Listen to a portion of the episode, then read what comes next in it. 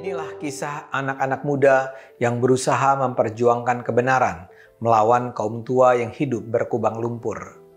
Ini adalah kisah Giring dan PSI melawan Anies Baswedan dan para pecundang pengikutnya plus partai-partai yang menikmati uang rakyat yang dikangkangi sang gubernur.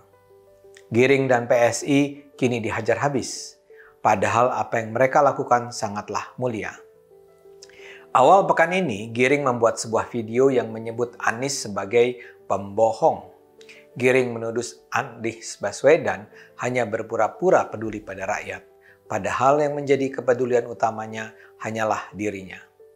Giring menilai Anies menghamburkan uang rakyat untuk program-program tak berguna seperti Formula E dan semua dilakukan Anies menurut Giring dalam rangka persiapan menuju Pilpres 2024. Giring adalah PLT Ketua PSI. Dalam videonya ia tampil bukan seperti seorang Giring Niji yang dulu terkenal karena mengumandangkan Laskar Pelangi. Dia tampil sebagai perwakilan kaum muda yang muak dengan kekacauan pengelolaan uang rakyat yang secara terang benderang dilakukan Anies. Giring tidak sekedar mengada-ada menuduh Anies pembohong. Argumen Giring sangat sistematis dan jelas. Ia menunjukkan bahwa rencana penyelenggaraan balap Formula E adalah penghamburan uang rakyat. Ia menjelaskan bahwa uang muka dan jaminan bank bagi penyelenggaraan acara itu dibayar Anies pada saat pemerintah secara resmi mengumumkan negara dalam keadaan darurat karena pandemi COVID-19. Menurut Giring, Anies begitu saja menggunakan anggaran besar 1 triliun rupiah untuk pelaksanaan Formula E tanpa mempedulikan kondisi rakyat Jakarta. Dia mengabaikan tekanan rakyat yang meminta dia membatalkan rencana balap mobil Formula E dan menggunakan 1 triliun rupiah uang rakyat untuk acara tidak berguna itu, kata Giring. Dengan geram, Giring kemudian menyatakan Anies cuma berpura-pura peduli terhadap warga yang terkena pandemi. Uang rakyat sebanyak itu dihabiskan oleh Gubernur Anies Baswedan di tengah penderitaan rakyat yang sakit, meninggal, dan hidupnya susah karena pandemi, kata Giring. Uang satu triliun rupiah dikeluarkan Anies pada rakyat terlantar tidak masuk ke rumah sakit yang penuh dan rakyat kesulitan makan karena kehilangan pekerjaan, sambungnya. Karena itu, Giring menyatakan bahwa ia berharap Anies tidak akan pernah memimpin Indonesia.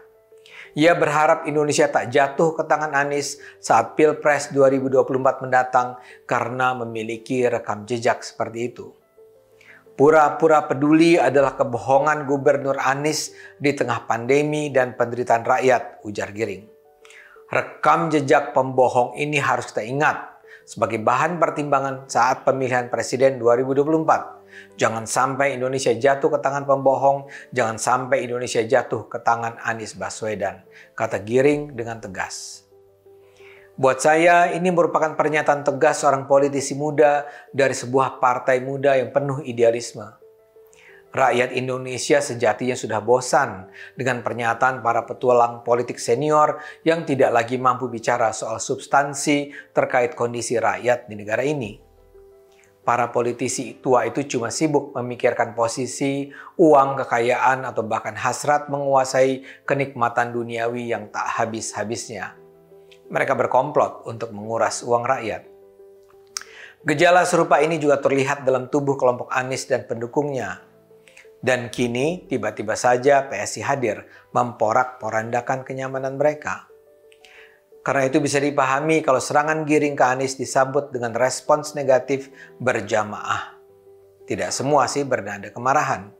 Eko Patrio dari PAN hanya menyatakan kalau PSI mau protes, baiknya juga menawarkan solusi.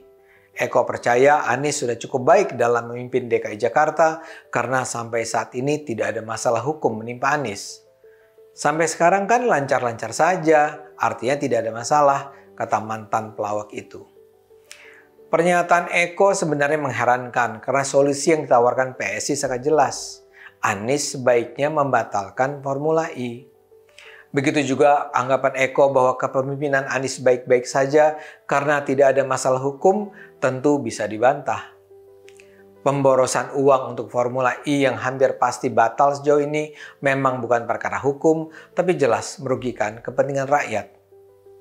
Tapi biar bagaimanapun, Eko memang tidak menyerang balik PSI secara membabi buta. Suara PPP agak lebih keras. Sekjen PPP Arwani Tomafi menyatakan pernyataan Giring merupakan presiden negatif bagi demokrasi Indonesia.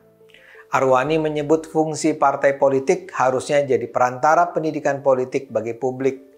Menurutnya boleh saja melakukan kritik, namun harus dengan porsi yang benar.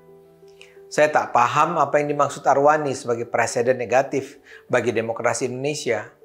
Giring justru jelas melakukan pendidikan politik yang positif. Bila ada pejabat negara yang memain-mainkan uang rakyat, ya harus digugat. Kok malah dibilang presiden negatif? Anggota DPRD dari fraksi Partai Keadilan Sejahtera PKS Abdul Aziz berbicara lebih keras lagi. Menurutnya ucapan Giring bisa dibawa ke ranah pidana. Saya kira ucapan Giring bahwa Anies pembohong bisa jadi delik pidana karena pencemaran nama baik, kata Aziz. Tapi yang paling parah adalah politisi Nasdem, Bestari Barus. Dalam acara di TV One, Bestari menghina bahwa apa yang dilakukan PSI ini semata-mata untuk mendongkrak suara PSI di pemilu 2024. Menurutnya PSI sedang galau karena sejauh ini masih belum juga bisa menaikkan tingkat elektabilitasnya termasuk meraih suara dari kaum milenial. Karena itulah PSI mendowngrade diri mereka dari semula yang bertarung di isu-isu nasional turun ke isu-isu DKI yang lokal. Kata Bestari, karena PSI gagal merebut suara milenial, maka PSI sekarang berusaha merangkul suara hatersnya Anies.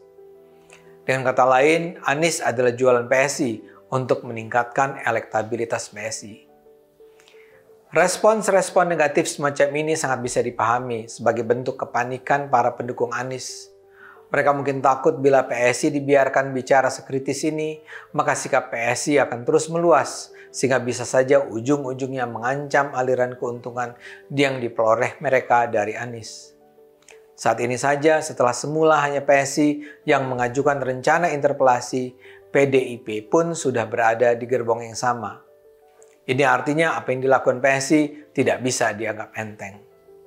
Suara-suara kritis seperti yang dilontarkan Giring bisa saja kemudian diterima sebagai kenormalan oleh kelompok-kelompok masyarakat sipil sikap kritis PSI bisa saja terus melebar.